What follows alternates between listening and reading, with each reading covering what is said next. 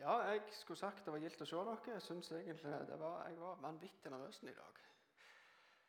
Så jeg bare begynner, begynner med å be, jeg òg. Ja. Takk, far, for at du, du er her. Takk for at vi får kjenne deg. Vi får tatt del i, i nattværen, som minner oss på at vi, du, Jesus, er betalt for oss. Du har kjøpt oss fri, og vi skal få leve i mer og mer åpenbaring i det. Jeg ber om at denne kvelden blir til de ære. Mm, amen. Jeg eh, Ja, farsdag, det er jo litt godt. Jeg har starta dagen i dag med å reise til Nærbø på hos foreldrene mine og hente de to minste. De var der på overnatting, og jeg eh, Vi har ikke vært borte der utenom, men jeg, når jeg kom og henta dem og møtte far i døra, så kunne jeg gi han en kniv og si gratulerer med dagen og si jeg er glad i deg, far. Og det er litt good, for det gjorde jeg ikke for et par år siden. Så det, Vi kan lære selv om vi er 40. Liksom, jeg har alltid vært glad i han, og det vet han nok. Han var glad i meg, men vi har ikke vært så gode til å si det alltid. Så det, var, det er litt gildt å bruke farsdagen til det òg. Eh, så kan jeg bare presentere meg sjøl. Jeg. Jeg heter Jens. 38 år, unge, gift med Gro På andre rad midt i. Jeg har fire unger. Hei. Fire unger fra fem til tolv år. Kommer egentlig fra Nærbø, bor på Vigrest. Flytta her i 2006 og hadde noen år tilbake på Nærbø. Vi var bønder en liten periode, og så flytta vi tilbake til Vigrest. Og har vært med her i menigheten litt uh, siden det begynte, mer eller mindre og trives godt her. Eh, og nå For tida holder vi jo på å gå gjennom temaet for alfakurs. Og det er alfakurs Jeg vet ikke om alle kjenner det, men det er jo kurs som heter, det heter vel for nye kristne og kristne som vil bli nye. Og Siden vi har det her i, i menigheten, sånn, så legger vi mest vekt på kristne som vil bli nye. Det er ikke det, er det vi tenker. Det er kommer til å fokusere på iallfall mest. Så fikk jeg jo det gilde temaet 'Hvor henvender du deg for veiledning?' Sånn. De andre har fått litt sånn kule tema. Sånn, 'Hvordan stå imot det onde?' og 'Hvorfor be?' og 'Hvordan det?' 'Hvem var Jesus?' Alt det. Så kommer jeg med dette her. Så håper vi kan få gjøre noe, si noe godt og komme litt videre i det òg. Jeg tror det er viktig eh, å stille det spørsmålet og tenke litt gjennom det. Så jeg hadde stilt dette spørsmålet på en søndagsskole eller barnemøte, så hadde det ja, For det første vel, så hadde ingen av ungene forstand hva det egentlig betyr med veiledning. Prøvde det på ungene mine, så var det sånn Hva er veiledning? Men da er jo armene i været med en gang, og så er det Jesus som er svaret. For det er jo, på søndagsskolen så er jo det rett ni av ti ganger. Eh, og det er rett i dag òg. Det er rett i dag òg. Eh, men vi skal, vi skal, ta litt mer enn bare det. Så det er jo fasiten. Vi begynner med den. Det er Johan med som er kristne, finner vår veiledning. Og Vi skal plukke det litt ifra hverandre og se litt på hvorfor og, og hvordan vi skal få veiledning fra han. Og det tenker jeg det Først og fremst er det i Guds ord, i Hans skrevne ord, Bibelen. Der finner vi vanvittig mye. Jeg har lyst til å sitere Daniel Sæbjørnsen. Han er pastor i Passion Åsane, Bergen. Han var her og hadde en møtehelg for et par år siden. Han har lagd en kompakt og fantastisk setning. så jeg skal si det. Vi kristne tror at Bibelen er Guds åpenbarte, inspirerte og ufeilbarlige ord til alle mennesker, til alle, på alle steder, til alle tider. Skriften er klar i sin tale, nødvendig og tilstrekkelig for å kjenne Gud og øverste autoritet for all liv og lære. Og Siden det var kompakt, så skal jeg lese det en gang til. Vi kristne tror at Bibelen er Guds åpenbarte, inspirerte og ufeilbarlige ord til alle mennesker på alle steder til alle tider. Skriften er klar i sin tale, nødvendig og tilstrekkelig for å kjenne Gud og øverste autoritet for all lære og liv. Og Det syns jeg er en god plass å hente veiledning. Eh, og Mange ganger når vi snakker om Bibelen, så bruker vi kapittel og vers og refererer til sånn, Når vi har Efeserne 2,10 eller Johannes 3,16 og eh, Matteus 6,33 og sånn. Så plukker vi litt ut, og så er det litt bare for å si litt om det der med Bibelen. Altså, Den er jo skreven i en helhet. Altså, En bok er skreven som en bok. Det er ikke skreven som fullt av små biter. sånn at det, jeg tror det er lurt av oss og rett av oss å lese det òg i en helhet. Men at vi kan bruke de der vers og henvisningene for oss og, som har liksom referansepunkt. Så Der kan du gå og finne det, så kan du lese rundt det. For det er alltid lurt å sjekke og lese det som står før, og det som står etterpå. Og få med hva som er, hva som er meint i dette her. Vi leser ikke jeg tror det var Elisabeth Kinder og Kusvekse sa for en måned siden at vi leser ikke en roman heller. Eh, et vers om gangen. Altså det går seint. Og vi leser ikke litt her og litt der. Vi leser det sånn som det er skrevet.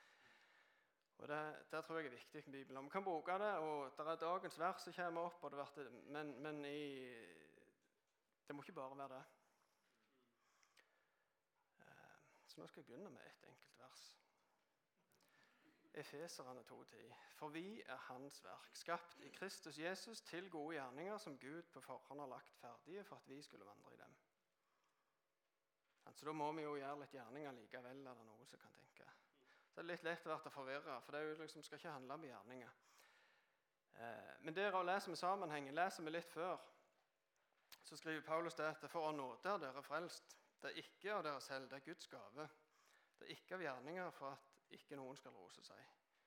Og så sier han, for vi er Hans verk, skapt i Kristus Jesus til gode gjerninger, som Gud på forhånd har lagt ned for at vi skulle vandre i dem. Så det er ikke motsetninger. Og det synes jeg er, Vi snakker om Gud til en plan for oss, så er det en Det er jo en av planene for oss. Litt generelle, men det er en god plan. Og Av og til så kan det å tenke at Gud har en plan for meg, kan være litt skremmende. gjerne, litt Vekke litt uro. altså Du kan begynne å tenke er jeg egentlig Guds planer. For jeg vil jo være det, men jeg har gjort noe rett valg. Jeg har gjort feil valg. Jeg har gjort et eller annet. Du har bomma på, på tok, uh, gi feil i et kryss tidligere. Skulle jeg søke på det studiet eller ta den jobben? Eller gifte meg med den jeg gifta meg med, eller bo der jeg bor. eller Det kan være fullt av ting som melder seg. Og så er det, tror jeg vi skal få slappe av i det. For det at Gud kan og vil bruke oss der med på tross av den eh, Ja, på tross av historien. Og Det betyr ikke at det ikke er så nøye hvordan vi lever livet, og hva vi gjør, for det, det er det jo. Valg får konsekvenser, det er det, men Gud har en sånn god eh, måte å, å få ting til å fungere godt gjennom møter han, søker han. Og Der har vi jo mange eksempler i Bibelen. Og et av dem er Moses. Eh, mange som har hørt om han. De fleste, Han er jo en ganske sentral eh, kar i Det gamle testamentet. Han var jo, skulle være offer for et sånn aldersbestemt folkemord i Egypt. Eh, og jeg tenkte litt på det nå. at det, er en del historier som vi har lært i vi ser det gjerne for oss fordi vi sitter beled i en barnebibel, en barnebok. Og så ser vi Moses. Han, de skulle ta livet av ungene fordi far var redd for at de skulle bli for mange og bli mektige. Så, så setter foreldrene De lager ei korg av siv, og så klærne med tjære eller beg eller hva det var inni, og så, sånn at hun skulle flyte. Og så setter de denne her ungen, legger han oppi, og så setter han på elva. Og så ser det på en måte litt sånn koselig ut i en barnebok. Det, sånn, det er litt feil, for det var ikke, altså, tenk hvordan det har vært for dem. Så de tok denne ungen sin og så pakket han ned. og så Vi stoler på Gud til kontroll. Og så nedover. Og så Hva skjer? Og så står det noe i Romerbrevet en plass, 8.28, eh, vers 1. Eh, for vi vet alle ting samvirker til gode for dem som elsker Gud dem som etter hans råd er kalt. Og Mange ganger så er det ikke bare at Gud får ting til å virke godt, han, ting, han snur ting til det gode, men han dekker så han retter litt tunga til det vonde i samme slengen. For det er etter de som kom og henta Moses opp av elva, det var jo dattera til farao. Så egentlig hadde utstøtt denne drapsordren. Så han ble jo nødt til å ta han inn, og han vokste opp hjemme hos han, og han ble, uh, for God mat alle måltider og får sylskje både i munnen og begge hendene og har det vanvittig greit sånn sett. Og lærer Han får studere på, på beste vis. Og etter hvert da, i historien så, så ser han noen han kommer til å slå i hjel en egypter. Kan vi lese om. Eh, og så tror jeg ikke han tror noen ser det, og så er det noen av av jødene. Han ser to av sine folk, da, sine israelittene, står og slåss eller krangler om noe. Så spør han hva dere, hvorfor gjør dere dette her? Altså, skal du slå i hjel oss òg, sånn som du gjorde med han, han andre? Og så søren, da så de meg. Så da rømmer han 40 år i eksil på en måte før Gud henter han tilbake for å befri folket. En morder på rømmen. Eh, og så bruker Gud han til å lede jeg har hørt to millioner folk ut av fangenskap og gjennom ørkenvandringa. Så Gud kan, og Gud vil. Og En annen kar som også Gud brukte, som vi gjerne ikke sjøl hadde valgt, han heter Paulus. Eller han heter Saulus. Som forfulgte når Jesus hadde dødd og reist opp, og den kristne kirka begynte å vokse og bre om seg, så likte ikke han det, for han var nidkjær i sin forfølgelse av kristne. står det. Han jakte, satte i fengsel. Jeg lurer på om han òg var med og tok livet av kristne. Eh, og på vei til Damaskus for å fortsette det her arbeidet sitt, så møter Jesus han, slår han i bakken, og han ble blenda Tre dager seinere får han synet tilbake og skifter navn til Paulus og blir den mest kjente misjonæren som er, og den som skrevet flest bøker er det vel i Nye testamentet. Så, så Vi skal ikke se så langt for å finne ut om Gud kan bruke oss. Så det var en liten start. Men veiledning Det ordet er jo litt sånn ja, Hva tenker du når du hører veiledning? Det kan være litt så Se for dere en sånn spesiell setting. At det sitter med, med, på et kontor hos en sosionom eller en økonom hvis det er i banken. Eller eh, vi går til veiledning for med ekteskap eller et eller annet sånt noe. Men veiledning er noe vi får enten vi spør etter det eller ikke. Og det kommer i mange former. Og det er det lurt å være klar over. I Salomos ordspråk kapittel 13 så står det at en klok sønn hører på sin fars tilrettevisning. Men en spotter hører ikke på irettesettelse. I ordspråket 9 så står det 'lær den vise, så blir han enda mer vis'. Lær den rettferdige, så går han fram i lærdom. Å frykte Herren er begynnelse til visdom, og å kjenne Den hellige er forstand. Oi. Stavner jeg meg. Eh, vi står overfor en hel haug med valg hver eneste dag. og Hvis det hadde vært forske på, så tror jeg det hadde sikkert vært sånn flere tusen. For dette, ja, Vi velger jo hvilken fot vi står opp på ut av senga, og hvilke klær vi tar på oss, og alt mulig.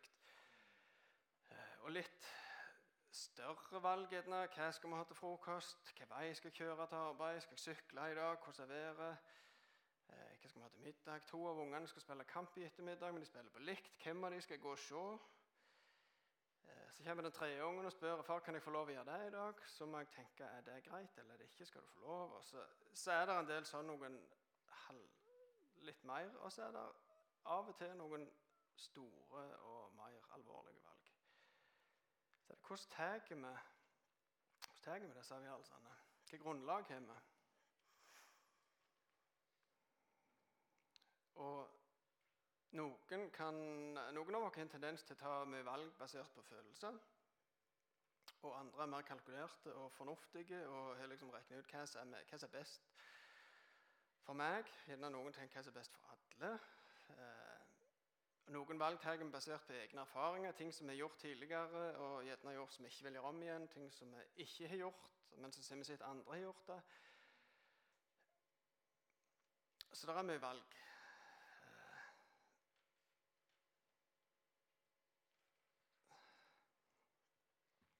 Skal vi se noe høyt med lite Jeg skal, jeg skal ta en liten historie. Jeg er med i huskirka, og jeg, der er jeg i lag med en god kar som heter Tom.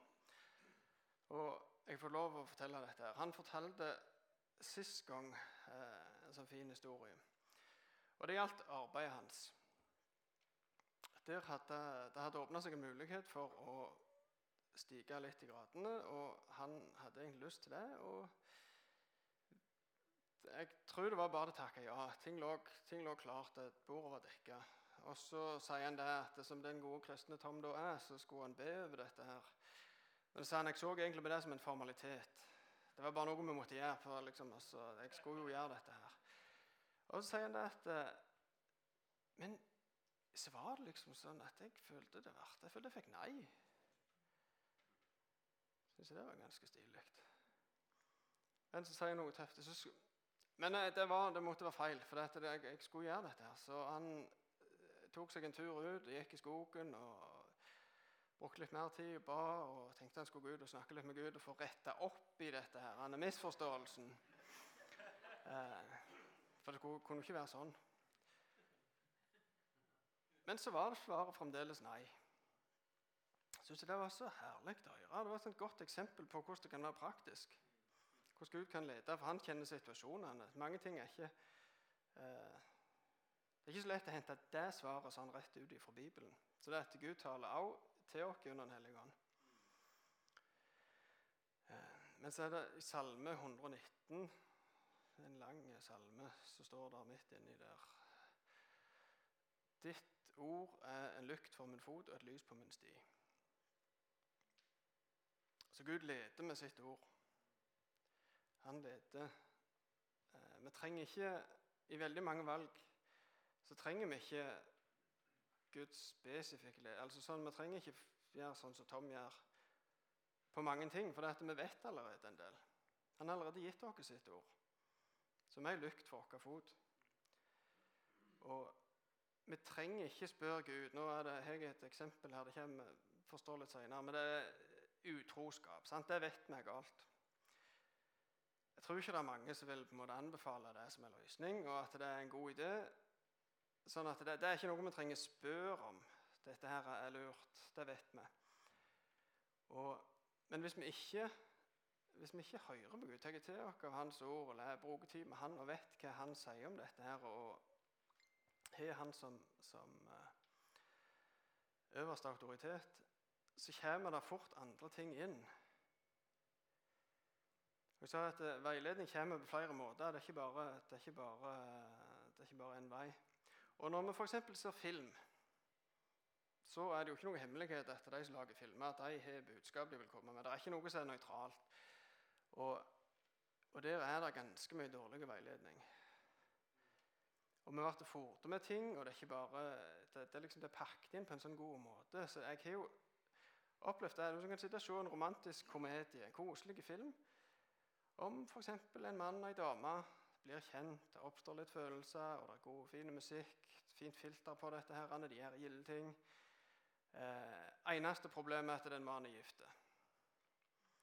Og så, så, får de det liksom til å se ut som at det ekteskapet der er helt elendig. At når han er hjemme med kona, så er det litt mer grå filter. Litt mer sånn eh, tung musikk. Eh, hun er sur, sint. Og han ble på en måte bare begrensa av det. Og så, og så, kan du plutselig sitte der og heie på utroskap. Sånn, det er jo romantisk tragedie, liksom. Ikke, og, men, men, det er litt sånn, det er litt ekkelt. Plutselig å kjenne at dette her var liksom, Oi, dette var jo ikke en seier. Eh, sånn at vi ble jo påvirka. Og det positive det er jo at vi kan velge. Vi kan velge hva vi slipper inn. Eh, og Det er jeg ansvar for sjøl, hva jeg slipper inn i mitt sinn. Så er du ansvar for hva du slipper inn i ditt sinn. Sånn at vi har, vi har, mulighet til å styre ting, men det er greit å vite om det. Og jeg tenker Gud taler jo på flere måter. Mest gjennom det skrevne ord. Men så, så snakker han også gjennom Den hellige ånd i form av at vi kan få bilder vi ser for oss ting.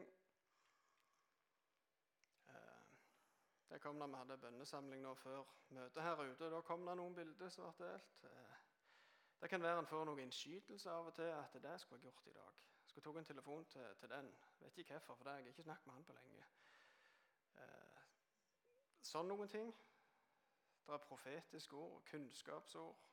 Kunnskapsord at Gud viser oss ting om andre eller inn i situasjoner som egentlig ikke hadde noen forutsetninger for å vite. Og så er det bare han vil bruke oss til å snakke til andre.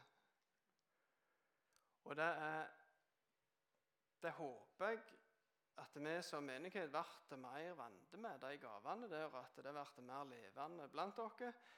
Og så er det òg en ting som vi er nødt for å prøve på Bibelen. Det skrevne ordet. Det kan ikke krasje. Gud sier ikke mot, han sier ikke mot seg sjøl. Eh, og hvis vi ikke tester det på det, så ble vi fort lurte til både det ene og det andre.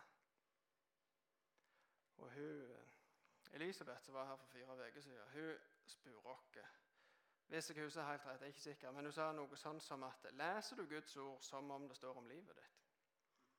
Og Det er sånn, det er sånn spissformuleringer, sånne ting som jeg liker. For det, får, det får meg til å tenke. eller liksom det, Kan du hive det vekk, eller så kan jeg velge altså på en måte tygge litt på det og så svare. Så gjør jeg egentlig det. For det er ikke noe vits i oss. Komfortsonen er en fin plass, men det er lite vokser der, var det ei som sa. Og det, det tror jeg jeg kan skrive under på. Eh, og hvis vi ikke Når hun sier 'leser du som det står om livet' Vi er nødt for å eie det sjøl. Unger trenger ikke det. Så det funker for unger. De kan på en måte de er dekka av foreldrene. tenker jeg. Det er vi som er ansvarlige for dem, men vi er ansvarlige for oss sjøl som voksne. Eh. Og Det spørsmålet der leser du Bibelen som det står om livet. Det kan jo framkalle litt dårlig samvittighet. Eh, kjenne på sånne noen dumme følelser, og det skal vi jo for all del ikke kjenne på nå for tida. Eh, da er det noe galt med spørsmålet, ikke oss. Nei da. Men men ta det som en oppfordring hvis det er noe som treffer. For Det kan jo være at, er, at du har Bibelen har du lagt vekk etter du fikk den til komfen. For det, Og så passer det bare aldri å ta den fram igjen. Og så har det vært ting som har gjort at det er litt, det er litt ubehagelig å ta den fram òg. Ellers har den ikke ligget så lenge, men at det har plutselig blitt så travelt med andre ting de siste ukene eller månedene eller åra. Men da har jeg lyst til å oppfordre til å ta den fram igjen i dag. Faktisk når du kommer hjem. Ikke i morgen eller litt ut i uka, men nå. Eh, for det, det, er viktig. Og vi kan som regel ikke alt. Vi, det er jo en vei å gå, men det er jo en plass må det begynne. Eh, Guds fulle rustning. Det er jo Paulus.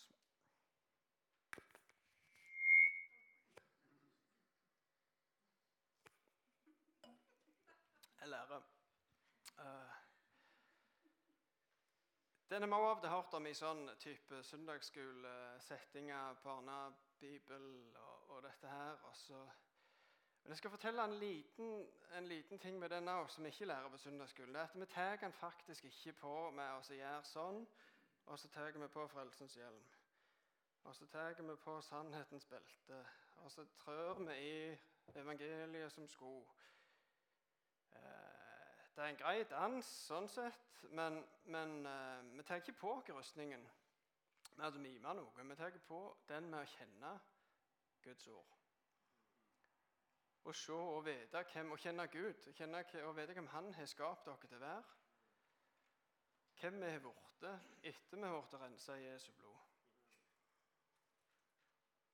Og Da begynner rustningen å virke. Hvis ikke så er han 30-40 kilo med skrapstål.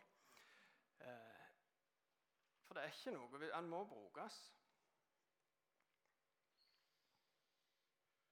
Så var Jørn her òg for noen par måneder siden. Han talte om hvordan stå imot det vonde. Så snakket han om hvordan en soldat i militæret trener time etter time og dag etter dag på skytestilling og på å plukke ifra han geværet, sette det sammen igjen, rense det.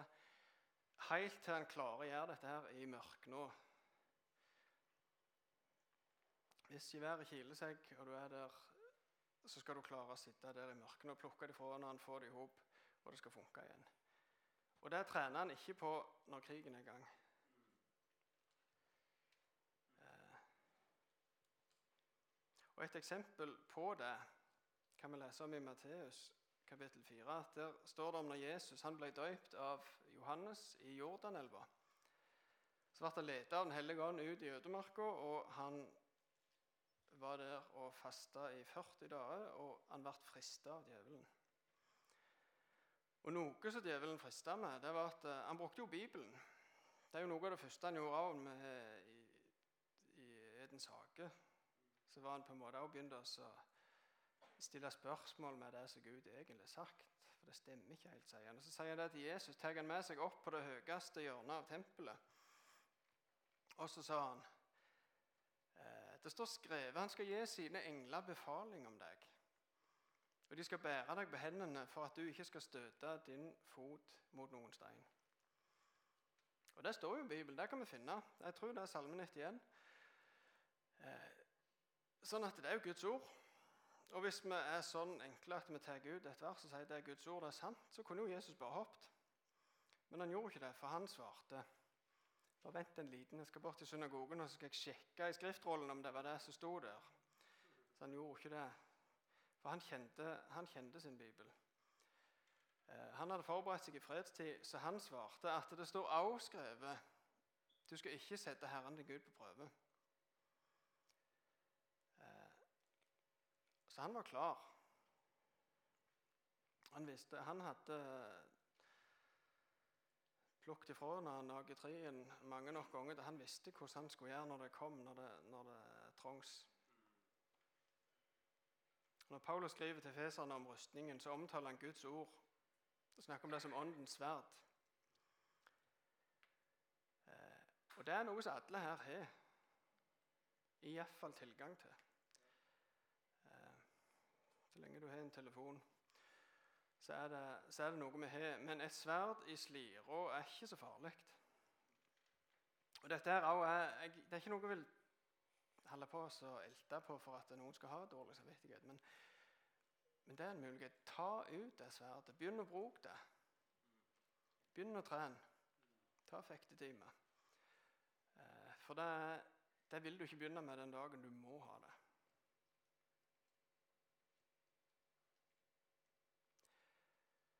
Veiledning Skal vi se litt på veiledning ifra Det kan vi få fra andre mennesker òg.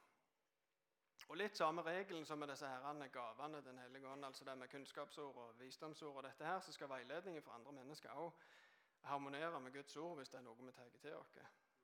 Det skal iallfall ikke krasje. Eh, og ordspråket ordspråk er god, det er med visdom.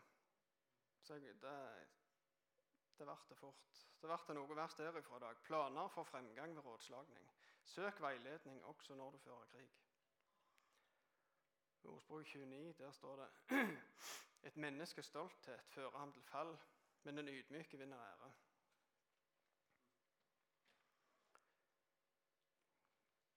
Å ta imot råd ifra andre det kan være litt utfordrende. I alle fall hvis du ikke spurte spurt om det sjøl. Plutselig får et råd i fanget. Så kan det så ikke alltid like gildt. Og En annen ting som er viktig, det er jo tillit hvis jeg eh, Hvis Grolin gir meg et råd, så er det ikke så vanskelig å høre etter, for jeg vet at hun er glad i meg. Og jeg vet at hun hater å si noe som gjør vondt. Så hvis hun gjør det, så gjør hun det kun fordi hun, hun mener det er viktig. Stoltheten den sier ikke 'kom her og fortell meg hvordan jeg skal gjøre min jobb'. Hvem er du? Du har ikke vært her så lenge som meg. Du vet ikke hvordan det funker her. Trenger ikke hjelp av han iallfall. Da må man først feie for egen dør og fikse det der greiene. for dette jeg, nei. Men av og til så er det ganske, så er det lurt å kunne, kunne ydmyke seg og ta imot hjelp. For det er mange ganger så ser andre ting som vi ikke ser sjøl. Vi kan gjerne kalle det for å speile oss sjøl i andre. Det er en kar som heter Thomas Getz. Jeg aner ikke hvem han er, men jeg syns det høres litt mer troverdig ut hvis det at jeg bare kan referere til en bestemt person, ikke bare si at jeg så det på nettet. Uh, han skrev en artikkel i wire.com. Den har vært skumlest. Om et, jeg skrev om et problem i Garden Grove i California. Dette er tidlig på 2000-tallet. De sleit litt med skolene der. Det var, mange, det var mye råkjøring forbi skolene. Og de forsto ikke De prøvde mye løye. Det var, det var en del ulykker, og de måtte finne, gjøre grep, så de satte opp blinkende lys. Prøvde med det, og de prøvde med nye skilt for at folk skulle reagere på det. og se at det her var et fartsgrense der. De prøvde bøter. Politiet kom på skolen og, og bødela folk som kom, og foreldre som kom og leverte ungene. Eh, og de gjorde mye for å prøve å stoppe det, og det virka en stund, disse grepene. Men, men så tok det seg opp igjen. Så var det noen som kom på Dette var i 2003, så det, det var ikke så vanlig da. Men, eh, men, vi kjenner til det nå. De satte opp sånn noen fartsmålere. Der folk kunne få se real time når de kjørte, hvor fort de kjørte. Sånn som vi sett, Nå har vi jo fått det med, med Høyland skole òg, bl.a. På 44. Der er det samme, samme opplegget. At det står et skilt som sier hvor fort du kjører når du kjører der. Og noen som snakket om, sitter der over 60-skiltet på Bryne. Så det det er det sikkert andre også som sitter høres ut som. Men at bilistene fikk feedback, det gjorde at de, det som var interessant, sa han, han som skrev, at det, alle bilistene hadde speedometer i bilen, mest sannsynlig. Og kunne sjekke sin egen fart. Det var ikke noe som gjorde at de ikke kunne se dette her sjøl. Men, men, når de fikk det utdannet noen andre som på en måte sa det til dem, så, så skjedde det noe. Sånn at da ikke bare så ble råkjøring redusert, men, men eh, snittfarten den ble redusert under fartsgrensa òg, ved tre av skolene. Så det, er, det, kan være effektivt, men vi må ta imot det. Og Hvis vi ikke er i stand til å ta imot råd, så trenger du ikke høre etterpå resten, egentlig. Men, men det, er, det, er, viktig, og det er lurt. Skal jeg fortelle en, en ting om å ta imot råd? Uh, jeg delte dette her med Mannsviken i mai. Så Noen har hørt det før, men jeg, skal, tenkte jeg skulle ta det med i kveld òg. For jeg tror det Jeg tror det kan være eh, Ja, jeg tror jeg skal dele det. Vi hadde En stund før den der Viken, i vår vinter en gang, så hadde vi en, en uh, case hjemme hos oss. Jeg merka at stemninga var ikke sånn som skulle være. Jeg er ikke så god til å føle på ting. Jeg senser det nok ganske mye seinere enn mange andre. Så det at når jeg først har forstand det, da har det nok vært sånn en stund. Eh, og jeg visste ikke hva det var. Jeg klarte ikke å sette fingeren på det. Men jeg synes det er vanskelig når jeg først har merka at her er det noe, så, så, klarer jeg ikke helt bare å la det håpe det går over. At dette her dette skal, at det går ikke godt, så går det over greien. Dette får jeg ikke til. Så det var en kveld vi hadde lagt ungene. og satte meg ned i sofaen med Grålin og sa at du, det er et eller annet eh, Det er et eller annet som er i uorden her. Kan du si meg hva det er? Og så klarer jeg ikke gjengi samtalen, og det var ikke bare, svaret kom nok ikke med en gang. Men eh, for det er som jeg sa tidligere, så er jo ikke noe hun hater å si noe som kan være vondt. Så det var litt, jeg måtte grave litt etter det, men så sier hun etter hvert at eh, du snakker til meg på en nedlatende måte. Av og til så, så, snakker du til meg på en sånn måte, og spesielt hvis det er andre folk der, så oppleves det ganske sårende. Hmm. Det, er en god dag.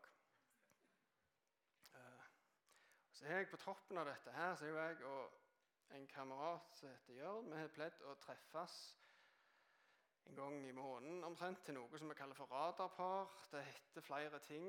Eh, poenget er at vi treffes, og så vi har, sånn, har en samtale om livet. egentlig. Vi av hverandre og ber for hverandre. Og så har vi òg fått ei liste med en slags kontrollspørsmål da, som vi går gjennom. Hvordan går det med dette her? Og et av de spørsmålene det er Så vi spør hverandre har du siden sist vist ære, forståelse og vært raus i dine viktigste relasjoner, som da er familien.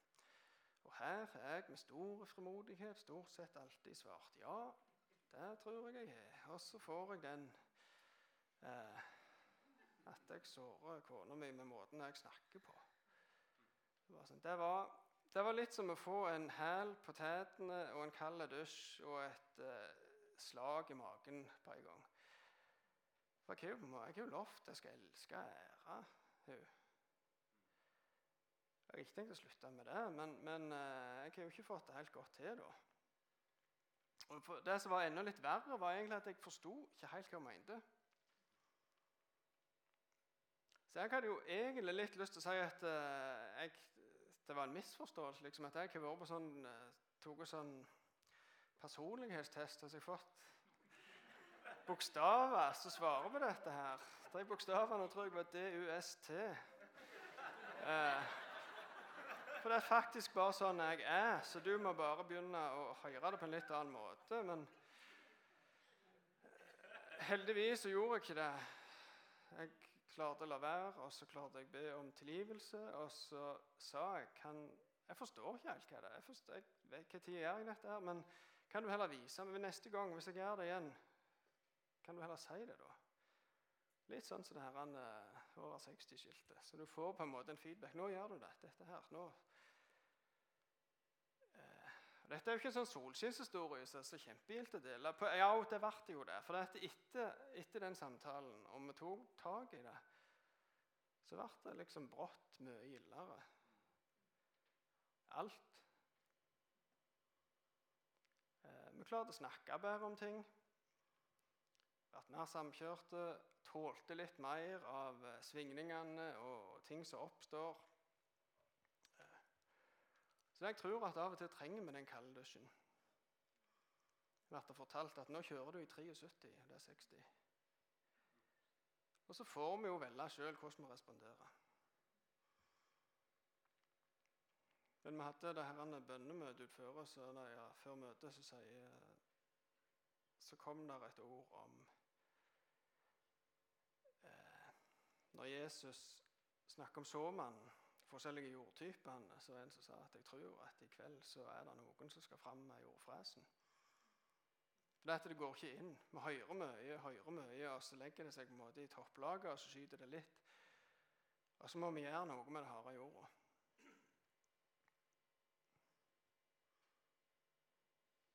Jesus han veileda en del hele veien på mange måter. Måten han levde på og viste.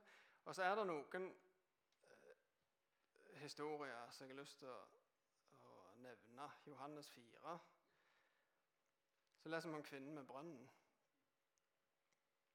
At, uh, at han trefte Jeg vet ikke hvor mye tid vi har igjen, Plent, men han Er du kontroll, Steinar? Jeg setter ikke på stoppeklokka. Begynner jeg inn for landing?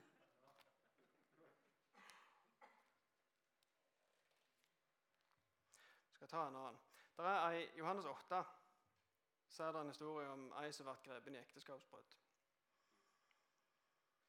Og Hvis vi prøver å tenke oss inn i den situasjonen, så, så, er det ganske bad. Jeg vet ikke om det har hørt, Mange har sikkert hørt den før, men, men det kom en gjeng og De hadde tatt ei dame som hadde ligget med en som ikke skulle ligge med. Så drar de henne med seg til Jesus for å teste han, og så sier de at eh, Moses' lov sier at vi kan steine denne her dama. Eh, hva sier du? Så sier Jesus noe ganske greit. Han, han setter seg ned og så skriver han i sanden. Jeg tror Det står ikke noe om hva han skriver. Så Det er det mange gode, kvalifiserte gjetninger på. Men han reiser seg opp og så sier han at eh, den av dere som er uten synd, kan hive den første steinen. Og så står det at de snur seg en etter en, og så går de vekk. Altså Bare i starten, når de kommer med hun, altså Hun må ha vært Hun, hun kan ikke ha vært alene i å begå ekteskapsbrudd. Så det er jo litt løye at de kommer med hun ene bare. Men, Men sånn var det iallfall. Og så sier Jesus da etter hun ligger der og Jeg vet ikke hvordan hun antagelig var hun ikke velstelt og fjong etter hvis de tatt henne på fersken. kan en tenke. Men så sier han til henne heller ikke jeg fordømmer deg. Gå og synd ikke mer. For Han sier ikke, han glatte ikke over fordi han syntes synd på hun, og det var en ring i situasjonen, og hun ligger der ustelte. og Dette var ganske ydmykende. Så han sier ikke bare gå og synd litt mindre hvis du klarer. Og så forstår jeg jo situasjonen du er i, og at ting har vært litt vanskelig. og Jeg forstår det greit av og til, og så prøver det lufte litt hos andre folk. og så... Han sier det, jeg fordømmer deg ikke, men gå og synd ikke mer. Så den er ganske hard. I Matteus 16 så er det en annen historie. Han, sagt, han spør disiplene hvem sier folk at jeg er. Eh, noen sier Elia, noen sier døperen Johannes. Så sier han, Hvem sier dere at jeg er? Sier Peter, du er Messias, den levende Guds sønn. Så svarer Jesus, han salig er du, Simon. Jonas, han, dette, du, dette vet ikke du sjøl, dette er Gud åpenbart for deg. Så han får jo en solid klapp på skulderen der.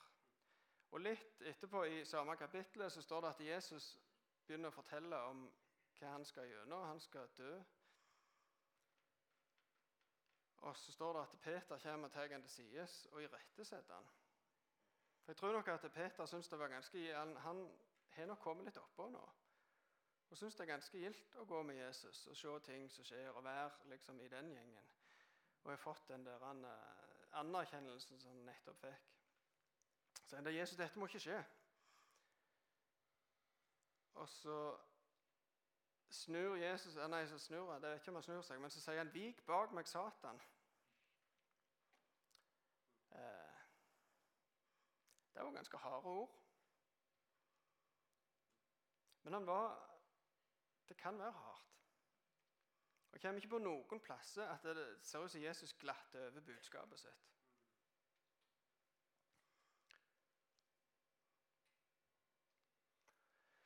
Så nå skal vi lande litt her. Jeg tenkte jeg skulle bare eh, avslutte med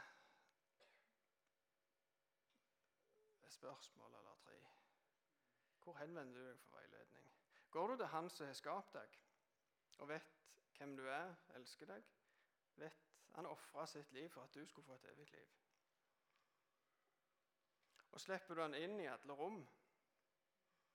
Eller heller du han utføre der det er litt ubehagelig? Tør du spørre Gud om det er noen veiledere som gjerne må miste jobben? Om det er noen som Om du har noe i livet ditt, om det er noe ting du følger deg med, ser på, leser, hører, som ikke er, som ikke er bra Jeg tenker at vi skal Vi skal få komme her med lave skuldre men også med høye forventninger. Eh, så hvis du vil og Jeg oppfordrer til å gjøre det. Bruk litt tid, for det er litt praktisk òg. Jeg, jeg, er litt der at det, det, nå nytter vi den tida når vi er her. Det er ikke like enkelt når du kommer hjem eller ut i bilen eller står og drikker kaffe etterpå. Blent. Bruker vi lite grann tid, så kan sikkert dere bare komme opp og, og ta litt til. Og så spør Gud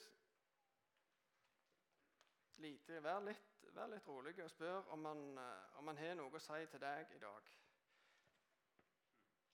Minner han deg på noe, ta tak i det, skriv det ned. Si det til en du stoler på. Og så Ja, bare hør på Gud, for han vil ikke noe vondt. Skal vi huske det som står i Efeserne helt til slutt? Du er hans verk du er skapt i Kristus Jesus til gode gjerninger som Gud på forhånd har lagt klar for at du skal gå i dem.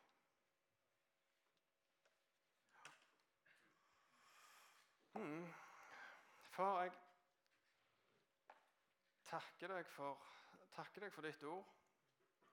Takk for at vi kan få ny åpenbaring i det. Takk for at du elsker oss, og du vil lede oss Hjelp oss til å være åpne for deg. Hjelp oss til å være ydmyke. så vi kan få bli enda mer like deg. Er det eh, noen som kjenner seg trufne av den jordfresen og det at du skal få hjelpe? Jeg ber, far, om at, eh, at det der må få skje. At dine ord blir sådd og får, gode vekstvilkår.